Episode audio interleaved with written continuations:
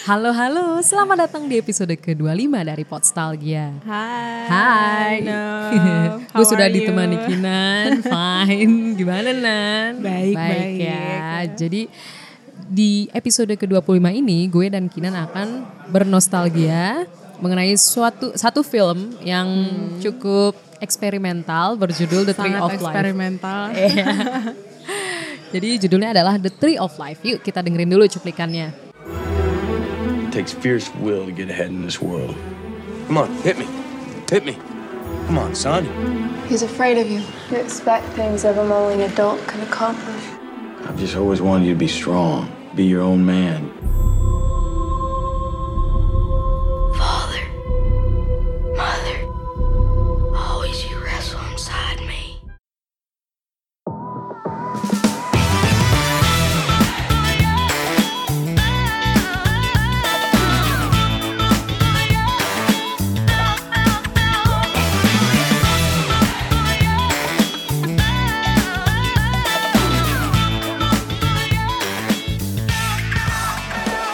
Oke itu cuplikan dari The Tree of Life. Jadi kita langsung aja nih nanya ke Kinan, kenapa sih lo pilih film ini untuk diomongin? Sebenarnya tuh awalnya pas gue ngeliat di IG story lo, Iya. eh, lo kan lagi nanya apa nih enaknya film yang dibahas untuk nostalgia.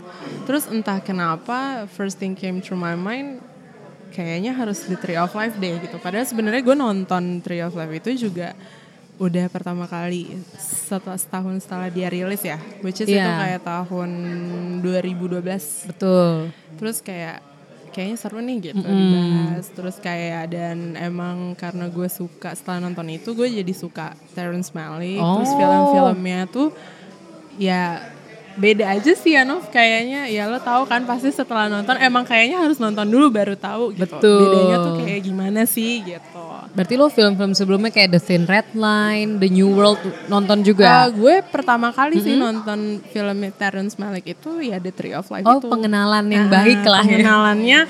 Dan itu pertama it- ini tuh film eksperimental gue yang pertama sih. Jadi kayak ya berkesan juga di Betul. gue nya apa sih namanya Em, avant-garde juga ya Iya filmnya. cukup avant-garde lah ya. gimana tuh bahasa Perancisnya Eh. mungkin bisa lebih pronunciationnya Sama lebih kok, kan avant, avant-garde ya. Avant-garde. Enggak, enggak. avant-garde Heeh. Jadi iya sih ini cukup unik juga sih pemilihan film ini karena pas gue nonton juga oh ini kalau gue pas nonton gue keinget film Space Odyssey karena kayak ini kan sebenarnya intinya tentang itu ya kehilangan apa kehilangan anggota keluarga Kayak ya anggota keluarga betul pokoknya kehilangan seseorang yang dicinta lah intinya gitu terus kayak tapi banyak beberapa adegan tuh yang justru gue nggak keinget sama cerita inti Iya, nah itu dia makanya kayak sebenarnya kalau orang nanya filmnya tentang apa sih gitu. ya tentang hidup ya, Bo. Namanya juga Tree of Life gitu. Nah, tapi yang gue suka, yang maksudnya berbekas banget di hati gue, cila hati. Maksudnya tuh kayak ngena banget di gue tuh karena apa ya? Selain sinematografinya juga bagus ya. Soalnya gue suka juga tuh si Emmanuel Lubezki ini. oh sinematografernya Jadi apa sih long shot gitu kan mereka terus kayak nggak tahu sih setiap pokoknya saat gue nonton Tree of Life ini gue ngerasa kayak indah aja gitu untuk ditonton dia film ini ya gitu. gue akui iya sih Kayak gue setuju em, eh, apa sih si Jessica Chastain Heeh, yang jadi ibunya ya yang jadi ibunya ya si Mrs. O'Brien ini. oh masih inget banget Iya, karena eh, seminggu yang lalu gue akhirnya nonton lagi kan Oh, kayak setelah gue bilang, iya, deh iya. Nov, eh, kita kayaknya oke nih ngobrolin ini. Itu eh, dia ada adegan, gue gak tau dia lo masih ingat atau enggak, Hmm. adegan dia lagi jemur baju aja tuh Heeh. bagus gitu. Kayak jemur baju ya Nov. Iya. kayak indah banget dan setiap kali. Jadi kayak nonton film bukan cuma sekedar lo tahu plotnya, tapi lo bener-bener dapet semua kesan eh, kesan apa ya satu kesatuan film tuh bagusnya kayak gimana dari sinematografinya, dari tone sinematografinya, terus habis itu skornya itu gue dapet banget sih dan bahkan kayaknya gesture para castnya itu itu si Jessica Chastain ini juga oke banget deh gitu. Sebenarnya awalnya gue nonton Tree of Life ini juga karena gue ngeliat si Jessica Chastain ini ada sebagai Oh. cast. Karena gue naksir banget sama dia dari dulu. Pas pertama kali dia main di Jolene, tapi dia emang belum terlalu famous kayak Ah, sekarang ya. Iya. Maksudnya dia unik aja gitu, ginger head, terus makanya lucu aja. Terus pas gue nonton Tree of Life, gue makin suka sih. Kayaknya ini yang gitu. bikin booming deh. Maksudnya bikin nama dia booming ke publik menurut gue Iya, The Tree of ha. Life. Iya gak sih? Kayak menang banyak awards juga ya. Betul, kayak dia menang Palme d'Or di Cannes, terus Pronunciation Prancis lagi ya. Iya, terus nomine di Academy Award kan Best Picture. Makanya mungkin ikut melambung. Betul, betul. Nama Jessica Chastain. Lo berarti seneng, teringat tadi bagian laundry ya? Ah, ah, laundry sama ini. Kalau Jessica Chastain tuh juga. Jadi maksudnya poin yang gue pengen sampein itu setiap nggak tahu ya kalau lo perhatiin setiap scene dari detik ke detik atau menit ke menit kalau lo pause itu ya estetiknya berasa gitu loh. Kayak lo pause itu bisa jadi it's an art. Iya, iya. Iya gak sih lo setuju gak sih sama Bahkan gue? jatuhnya foto ya, foto yang emang diem gitu. Tapi itu udah berbicara Betul. banyak. Dan kayak maksudnya untuk em, ngebuat satu film kayak Mm-hmm. gitu secara konsisten setiap scene-nya itu bisa di pause dan setiap scene-nya itu indah, terus Betul. estetiknya juga dapet ke ke penonton. Itu keren sih menurut gue ya si Terrence Malick ini. gitu. Gue setuju sih. Gue bahkan yang keinget juga ketika lo tadi mention laundry ya, gue jadi keinget ketika mereka lagi main di luar rumah. Ha-ha. Terus kayak ya emang sebenarnya nggak ada nggak ada dialog banyak ya ibaratnya kayak mereka cuma kelihatan Kayak gestur banyak lari-lari. voice over doang gak sih? Iya. Terus kayak mereka nggak ngomong sampai kadang gue lupa namanya siapa ya? Bener bener. Nah, Kebanyakan betul, voice over kayak always you wrestle inside me Nah, gitu. Kayak apa sih eh, ininya potongan-potongan Injil ya kayaknya. Iya, doa. ah, ah. Doa- ada doa gitu. di karena di bagian awal nih, gue nyatet Oh, ya iya. ceritanya. Jadi ada tulisannya, kalau nggak salah, iya sih emang ada tulisan kan. Tulisannya itu kalau di Indonesiain, jadi itu dari kitab Ayub Kalau di di Injil. bahasa Prancisnya apa? Eh jangan dong. Gawat, pusing nanti gue juga lupa. Jadi kayak intinya adalah lo di mana sih ketika aku, maksudnya Tuhan meletakkan dasar bumi. Intinya gitu. Terus kayak pada ada selanjutnya itu ayatnya agak skip sih. Jadi itu tadi ayat keempat, ini ayat ketujuh. Tapi masih satu konteks Oke. setelah nanya lo di mana sih ketika gue meletakkan dasar bumi kasarnya gitu terus eh, dia bilang pada waktu bintang-bintang fajar bersorak bersama-sama jadi kayak kalau- Indah kan? oh, oh kayak itu juga sebenarnya ngasih fondasi juga ya menurut gue Filmnya ini apa Uh-uh, gitu ya? karena Tree of Life mungkin ya mungkin kalau kita nggak tahu itu kisahnya tentang apa ya nggak baca sinopsis kok kok kisahnya ada universe Kayak emang ada nilai spiritualnya juga gak sih yang dibawa Uh-uh. sama si Terrence Malick ini? Karena kayak banyak eh, apa ya semacam existential quote apa ya? bener-bener Ya gak sih kayak Tuhan lo ada di mana? iya Terus eh, aku tuh di sini kayak apalagi kan ceritanya memang di awal dikasih tahu kalau anaknya itu meninggal kan. betul itu intinya kan itu ya sebenarnya intinya plotnya dari situ ya trigger intinya gitu. yang ada Sean Penn sedikit ya Iya dan eh, menjelaskan juga eksperimentalnya pas saat kita lihat dinosaurus itu loh Beb. sama lagi Lo masih 20 ingat pasti dinosaurus? iya Eh, di menit-menit ke-20 ya. Itu Iya, full dan- apa namanya? em, yang di mana dari universe itu belum ada. Sampai kayak dari Big Bang yang maksudnya kita manusia itu itu nggak ada. Itu dari awal gimana terbentuk kayak bumi atau alam semesta. Itu maksud gue ya dia punya konsep jelas banget gitu loh mateng banget sih menurut gue. Em, dari dia gimana ngejelasin eh, belum ada lautan, belum ada air, terus habis itu udah mulai ada air, udah mulai ada laut, ya laut sama air sama ya.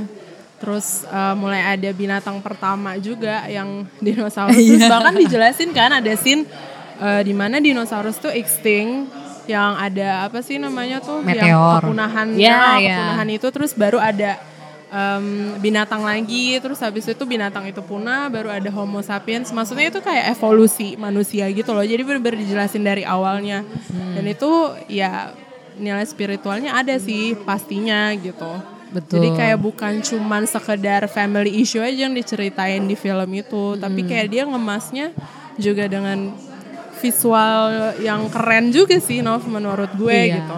Kalau menurut gue kalau emang nonton film The Tree of Life lo harus udah siap menikmati di situ lo nggak bisa sambil main Awalnya HP pas gitu. gue ingat sih pas gue nonton kan ya kayak masih SMA ya. Iya, Nov. iya. Kayak gue bingung sih awalnya pas Iya sih pas ini. gue juga awal-awal Ini apa ya? gitu. Oh, oh. gue malah waktu itu sempat mikir ini salah film atau kayak gimana tapi ya, ternyata itu part of the movie gitu. Ah, jadi lumayan lah ya pengalaman ya, baru. pengalaman aja sih jadinya gitu Ceritanya juga nggak linear sama sekali. kenapa Ceritanya nggak linear sama Iya, sekali. jadi kayak kayak gue ngerasanya um, Terrence Malick tuh ngebiarin penontonnya tuh ya untuk menginterpretasi sendiri ya maksudnya benar-benar makanya nggak ada plot pastinya sebenarnya apa sih yang ke- uh, makanya kalau lo nanya ceritanya tentang apa mungkin lo sama gue punya akan punya jawaban yang berbeda Iya. gitu.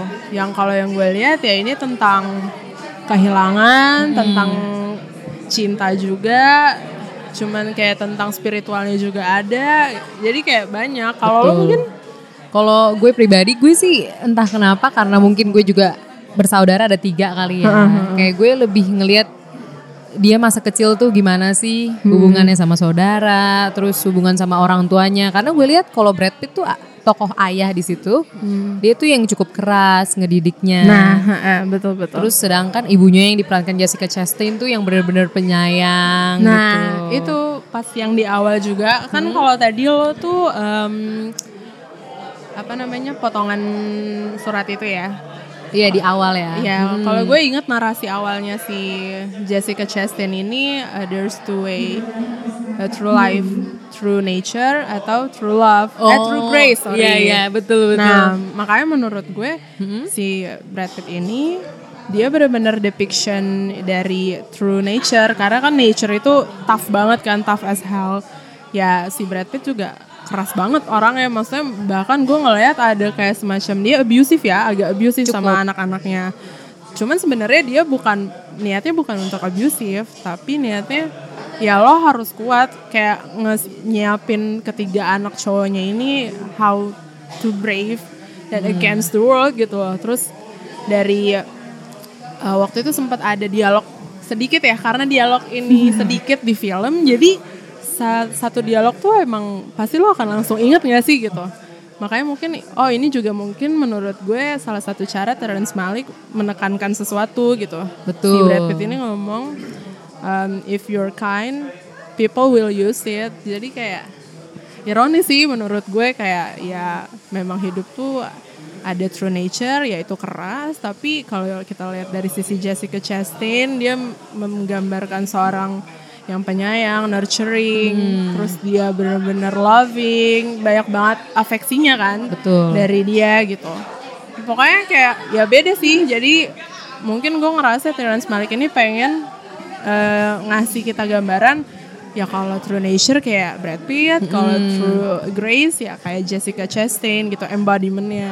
Men- wow, gue gue cukup Ya itu loh langsung tersadarkan iya Ya kan? banget sih bagian nature sama Grace ya melambangkan ya. Ya, terus kayak ya seru sih. Jadi oh itu pun juga kayak gue akhirnya baru ngeh kenapa itu diulang karena ya oh mungkin makanya di dua-duanya tuh ditampilinnya punya sifat yang berbeda gitu. Betul. Kalau karena lo mention itu tadi nature sama Grace yang bu- mungkin kalau misalnya dari interpretasi lo tuh penggambaran dari Brad Pitt sama Jessica Chastain yang jadi bapak sama ibu, gue gue tuh keinget banget satu quote ya, gue sama salah satu anaknya. Dia ngomong father, mother, always you wrestle inside me. Ah iya iya itu. Ingat, itu yang pas adegan lagi agak black out terus ada cahaya itu gak sih? Iya, sama kayaknya di pantai yang tiba-tiba mereka di pantai, terus Mereka semua ketemu. Heeh, itu kayak di surga gak sih Iya sebenarnya? ceritanya kan kayak God I give you my son. Iya. Iya.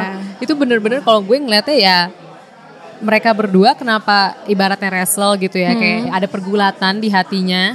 Ya karena satunya nature, satunya grace. Jadi kayak cara Baru connect ya. Heeh. Wow, emang film eksperimental gini ya. Iya, makanya gue bilang pasti beda deh. Oh, Kalau sama oh. gue ngelihatnya, nah, Kayak gue gue selalu keinget bagian itu sih karena ya emang pas mungkin beda ya cara mendidik anaknya dan itu mungkin jadi sampai dia gede pun tetap wrestling dalam hatinya. Jadi tetap jadi sebenarnya gue harus ngikutin kata bapak gue nggak sih yang Iya, atau agak, gue abu- kata agak abusive gitu. nyokap gue gitu. Hmm, yang bener-bener tender ya ibaratnya gitu sih kalau gue. Terus karena lo ngomongin apa? Itu kan dua sifat yang berbeda banget ya Hmm. intinya. Kayak di awal kan yang tadi gue bilang tuh eh, ayang kita Ayub, dia kan bilang kalau misalkan eh, ke mana sih manusia kan maksudnya ke mana sih lo ketika gue menciptakan bintang-bintang ini ini Nah. kasar doang ya sorry ya guys ini biar enak aja jadi Oke, oke. kayak ingin memperlihatkan ini bintang-bintang ini udah eh, lu bahkan belum ada gitu loh ketika bintang-bintang ini udah ada Iya. jadi kayak masalah yang lo rasain tuh sebenarnya nggak ada apa-apanya orang Iya, bisa jadi bisa jadi. Kecil Gue baru gitu loh. Kepikiran juga. Bang. masalah lo kecil loh manusia kenapa Hmm. lo bener-bener itu sih merasa sedih ketika ditinggal manusia padahal kayak adalah masalah yang lebih besar lagi kayak mungkin dinosaurus punah Heeh, punah semua betul. kan Terus satu bumi juga. Oh, oh. kayak ibaratnya lo oke cuma ditinggal satu orang kasarnya gitu dan lo Hmm. udah se merasa se- kena tragedi banget deh hidup Iya, lo padahal kayak ibaratnya dinosaurus tuh satu kumpulan punah Iya betul betul. gue kayak wah gila ya nih Terrence Malick Keren kan? Iya, Makanya iya, gue iya, bilang iya. Gue sukanya tuh ya karena itu. Banyak banget sih sebenarnya aspek kayak jadi untuk didiskus juga pun untuk kalau mau discuss further ya bisa gitu. Kalau kita kan mungkin dari sisi gimana caranya lo interpret saat lo nonton film ini gitu terus bawa kayak- kuliah kali ya Heeh, dulu kan ikut apa tuh namanya MPK apresiasi film kan. oh ikut iya iya iya Tapi iya. sebenarnya nggak ngaruh sih. Oh nggak ngaruh, lebih eh, pokoknya kuliahnya cukup itulah ya, Eh, ngasih perspektif tadi mungkin. Iya, mungkin kalau kita semua belajar wacana kali ya. Oh, iya. Nah, masih inget tuh. Jadi makanya mungkin kelihatannya kok ah, tiba-tiba ada dinosaurus, pasti ada lah alasan kenapa dinosaurus. Iya, kan. ternyata nggak. Ya si Terrence Malick lagi-lagi makanya gue bilang mungkin juga orang mau ya kalau ngeliat apa sih ini film gak jelas banget gitu. Cuma nunjukin tiba-tiba kok semacam National Geographic tiba-tiba tuh kan Gak sedikit alam. yang komentar Tapi gitu. malah menurut gue poin bagusnya tuh di situ gitu. Betul. Jadi dia pengen nunjukin sesuatu. Maksudnya menurut gue kayak kalau dilihat dari backgroundnya Terrence Malick sendiri karena dia orangnya kan sekretif banget ya. Gue sempet tahu juga dia itu em, sempat hilang dari permukaan. Terus tiba-tiba dia comeback sama karyanya ini. Maksudnya untuk dia sebagai orang sekretif eh, dan kita bisa nonton filmnya menurut gue kayak we should feel honor sih. Karena gue bisa ngelihat apa yang dipikirin sama Terrence Malick gitu sebenarnya tuh kayak apa ya nggak sih Setuju. karena kayak dia doing interview saja nolak Iya. mostly terus tapi kita bisa ngeliat dalam pikirannya dia tuh apa gitu jadi kayak menurutku banyak aspek yang mestinya kita lebih jadi kayak bukan hanya filmnya sih tapi kayak faktor eksternal dari dari sebuah film itu juga bisa berdampak ke filmnya gitu Eks, kayak unsur ekstrinsik ya. Ah, oh iya kalau di cerpen kan Ah, bu unsur ekstrinsik. Kayak penulisnya latarnya pasti ngaruh sih menurut gue karena gue juga sempat baca-baca katanya dia itu alumni Harvard tapi filosof fils apa jurusan filsafat kalau nggak salah. Hmm. Pantesan banyak apa um, existential questionsnya tuh banyak ya. Iya, bener. Dan mungkin dia leaningnya agak ke itu ya ajaran Kristen kali ya. Ha-ha, makanya tadi gue bilang spiritualnya juga dapet meskipun kayak gue nggak terlalu mendalami Injil atau apa tapi di saat gue nonton gue juga jadi ikut ngerasain gitu oh ternyata gini makanya gue bilang kenapa ngena banget di hati gue atau di pikiran gue film ini karena ya gue nggak cuma nonton gitu loh. Tapi kayak gue ikut ngerasain kayak how how suffering how is love how's loving. Kayak semua tuh udah berjadi satu. Padahal sebenarnya eh, kalau kita lihat ya Nov maksudnya em, adegan-adegannya itu simple banget gak sih? Maksudnya Iya. kayak keseharian adegan Jessica Chastain di rumah, Betul, cuci piring, betul. main sama anak-anaknya, kayak main ya kayak main selang nih, selang Heeh. air di depan sama anak-anak kan iya, bagus iya, banget iya, kan. Sama Brad Pitt ya. Heeh. Ya kalau sama Brad Pitt mah bagus semua. Cuman ya itu maksud gue kayak apa ya?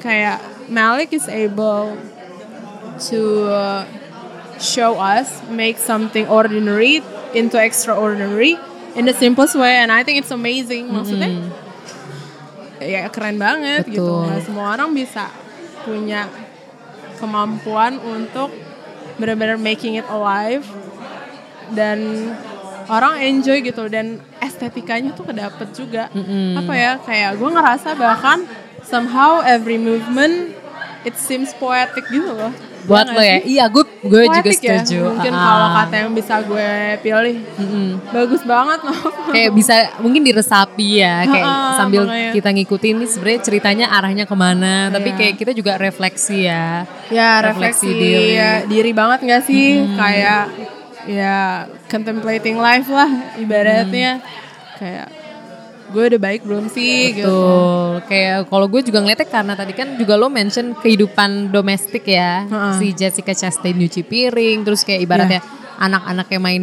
di pekarangan rumah ya. kayak gue kalau pas ngeliat adegan itu dan karena lo mention poetik juga, itu kan sebenarnya adegan biasa ya. iya iya kan Munden Makanya banget. Tapi karena mungkin pengambilan gambarnya, terus ada musik-musiknya. Nah, makanya gue bilang kayak dia benar-benar making this movie bukan cuman ya gue yang sutradarain Hmm. gitu tapi orang yang kayak sinematografernya terus penata musik penata Betul. gaya itu benar-benar making everything authentic gitu loh itu Iya. yang gue salut sih sama si Terrence Malick ini makanya gue habis nonton film ini gue langsung nonton semua film-filmnya lagi Oh iya iya dan kayaknya iya. mungkin uh, lo nostalgia bisa kali untuk bahas film-film Terrence Malick Uh, lagi. mungkin sama lo lagi. Boleh, boleh. Boleh, boleh. Kayaknya udah Kayaknya titisan Malik banget oh, nih. Oh, titisan Terrence Malik banget nih. Soalnya kayak pas uh, gue nggak tahu sih karena gue kan emang biasanya kalau sebelum nonton film gue pasti baca review. Oh gitu. Nah, baca review dulu. Terus gue suka sama satu kritikus film ini namanya Roger Ebert. Pernah denger nggak? Almarhum ya. Iya udah Ah. meninggal. Nah yang maksudnya entah kenapa bisa pas banget. Gue abis itu nonton filmnya Malik kan setelah ini yang To The Wonder Yang cukup baru bukan yang tahun 2012. sih? Ya, yang Christian Si- Bale ya. Eh, itu kalau Christian Yang Bale mana tuh, tuh? yang Knights of Cups. Oh, itu oh. baru banget Beb. Iya, iya. Eh, Kebalik-balik, sorry. Ini sih nggak apa-apa. Uh-uh. Si ini um, Ben Affleck Ben sama Affleck. Rachel McAdams. Uh, Nah, gue belum nonton. lebih romans sih ya Hmm. ceritanya. Itu dia si Roger Ebert ini itu review terakhirnya itu sebelum dia meninggal itu filmnya Terrence Malick yang To The Wonder makanya kayak emosional deh mulai. Iya, dan dia kayaknya cukup positif ya eh, Iya. tanggapannya untuk film-film Malik kayak di The, Tree of Life Iya, ini. Karena Roger Ebert tuh biasanya hard juga sih kritiknya ke film-film ya. Tapi betul. mostly gue selama baca film kritik filmnya si Terrence Malick ini selalu bagus dari Roger Ebert. Makanya gue kayak makin convinced, oh kayaknya emang beneran bagus sih gitu. Gue inget banget si Roger Ebert itu bilang katanya si eh, Terrence Malick ini tuh bisa ngebawa sesuatu yang ya benar-benar human human banget gitu ke dalam film. Jadi kayak bukan cuman film terus kayak ya emang bener makanya gue bilang nothing so grand about it. Kayak simple banget tapi berkesan gitu. Betul. Kayak gue yang adegan main anak-anaknya yang tadi lo bilang main selang juga itu Iya, keinget itu loh. kan- Ya coba deh lo bayangin kalau kita yang bikin film, Nov lo main selang air di, di pekarangan misalkan. Iya iya. Pasti gue yakin gak akan sebagus yang Oh, si oh. Emmanuel Lubezki bikin sih. Betul. Shotnya juga kayak lo pernah nonton Birdman gak sih? Hmm. Itu gue waktu itu gue nonton ini kan belum tahu ya. Eh, tapi pas gue nonton Birdman sekitar tahun 2014an itu gue langsung keinget filmnya Tree of Life karena Oh. shotnya itu mirip banget gitu. Iya, iya. Ternyata bener pas gue liat oh si Emmanuel Lubezki juga. Jadi kayak maksud gue em, mungkin kayak ya itu personal stylenya si Terrence Malick kayak gitu. Betul. gitu. Dan mungkin sesuai ya untuk menggambarkan ya. Gue kayak pas nonton tuh kameranya kayak nge-swing gitu loh. Ikut, iya ikutan ikut ang- swing Uh-uh. jadi kayak nggak ada yang di-cut gitu loh. Betul, kayak ikut angin. Mereka kan main ikut lari juga. Dan itu smooth sih menurut gue. Bagus. Oh, oh. padahal kayak gue juga ngeliat behind the scene-nya tuh nggak yang kompleks banget ya. Mungkin karena ini film eksperimental dan bukan yang ibaratnya untuk publik luas ya menurut gue walaupun kayaknya yang nerima juga banyak sih publik ya tapi em, kok gue jadi lupa bentar tapi Banyak banget sih soalnya yang kayak mau dibahas tuh tapi kayak oh, yang tiba-tiba pengen tumpah semua. tertahan gitu. Pokoknya intinya adalah em, itu benar-benar semua adegan diseriusin gak sih? Jadi benar-benar selain cerita, kayak emang apa pikirannya Malik yang tadi lo juga bilang itu benar-benar keluar tumpah di film ini. Iya. Mm-mm. Jadi jadi ya em, dan ini juga satu film udah cukup lama ya dia kan film tuh nggak sering bikin kan karena sebelum The Tree of Life setahu gue dia cuma bikin empat atau lima Iya. film gitu. Makanya yang gue bilang dia benar-benar konsepnya matang banget sih gitu. Ya maksudnya ya semua film pasti ya sutradara pasti punya konsep yang matang ya, well betul. planned. Cuman ya itu dia yang gue ngerasa beda dari Terrence Malick itu karena relatable ya. Saat pertama kali gue nonton, ya gue merasakan eh, hal yang sama gitu. Dan di saat sekarang gue nonton di tahun ini, yang kayak sekitar tujuh tahun kemudian, gue masih bisa ngerasain gitu loh. Itu relatable dan ya menurut gue this movie is great ya karena itu gitu. Dan apa ya timeless aja gak sih? Menurut gue- karyanya dia ya. Uh-uh, menurut gitu. gue bakal timeless sih uh, The Tree of Life karena karena mungkin dura, eh, latarnya juga tahun 50-an Iya. ya, 50-an 60-an. Oh ya kita sampai lupa nih latarnya apa. Iya, karena udah itu ya udah keburu seneng ya sama stylenya Malik kayak ya. banyak banget yang bisa dibahas gitu. Betul. Dan dari tahun 50-an itu terus dia apa? Balik juga ke masa ini terus tiba-tiba ada yang kayak adegan di surga. Hmm. Maksud gue itu karena nggak linear juga, Hmm. itu bakal itu sih kalau misalnya ditonton mungkin 10 sampai 20 tahun lagi ya tetap enjoy-enjoy Iya, aja. makanya gue bilang eh, dia bisa produce something classic, timeless dan kayak relatable itu terus benar-benar kayak ngena aja gitu di hati sama pikiran tuh beautiful aja sih gitu. Iya, tapi mungkin mungkin orang yang nggak baca review mungkin ya. Nah. Atau ya- soalnya setahu gue kayak di Cannes film kan dia awalnya tuh di Cannes ya salah satunya rilisnya. Bener-bener tuh yang bu juga banyak yang ngebu. Apa sih ini filmnya? Iya ya banyak sih Uh-uh. kayak dia bilang eh, nggak jelas. Terus Iya. dia bilang, ya ini tuh filmnya cuman soal apa ya? Ya udah cuman soal bapaknya abusive, anak-anaknya terus lost, confused. Betul. Maksud gue ya banyak sih hal yang bukan cuman itu harus Iya. nonton dulu gitu. Kapan lagi lo bisa nonton National Geographic in one movie? Betul. Itu tapi sih. tapi tetap sih yang tepuk tangan juga berame sih. Jadi Iya. kayak cukup divisive. Gue nggak heran sih kalau film kayak gini divisive ya. Hmm. Karena mungkin ya satu ekspektasi kayak aduh film drama keluarga biasa. Heeh, iya. Mungkin sebelumnya belum pernah nonton Terrence Malick gitu Iya. loh.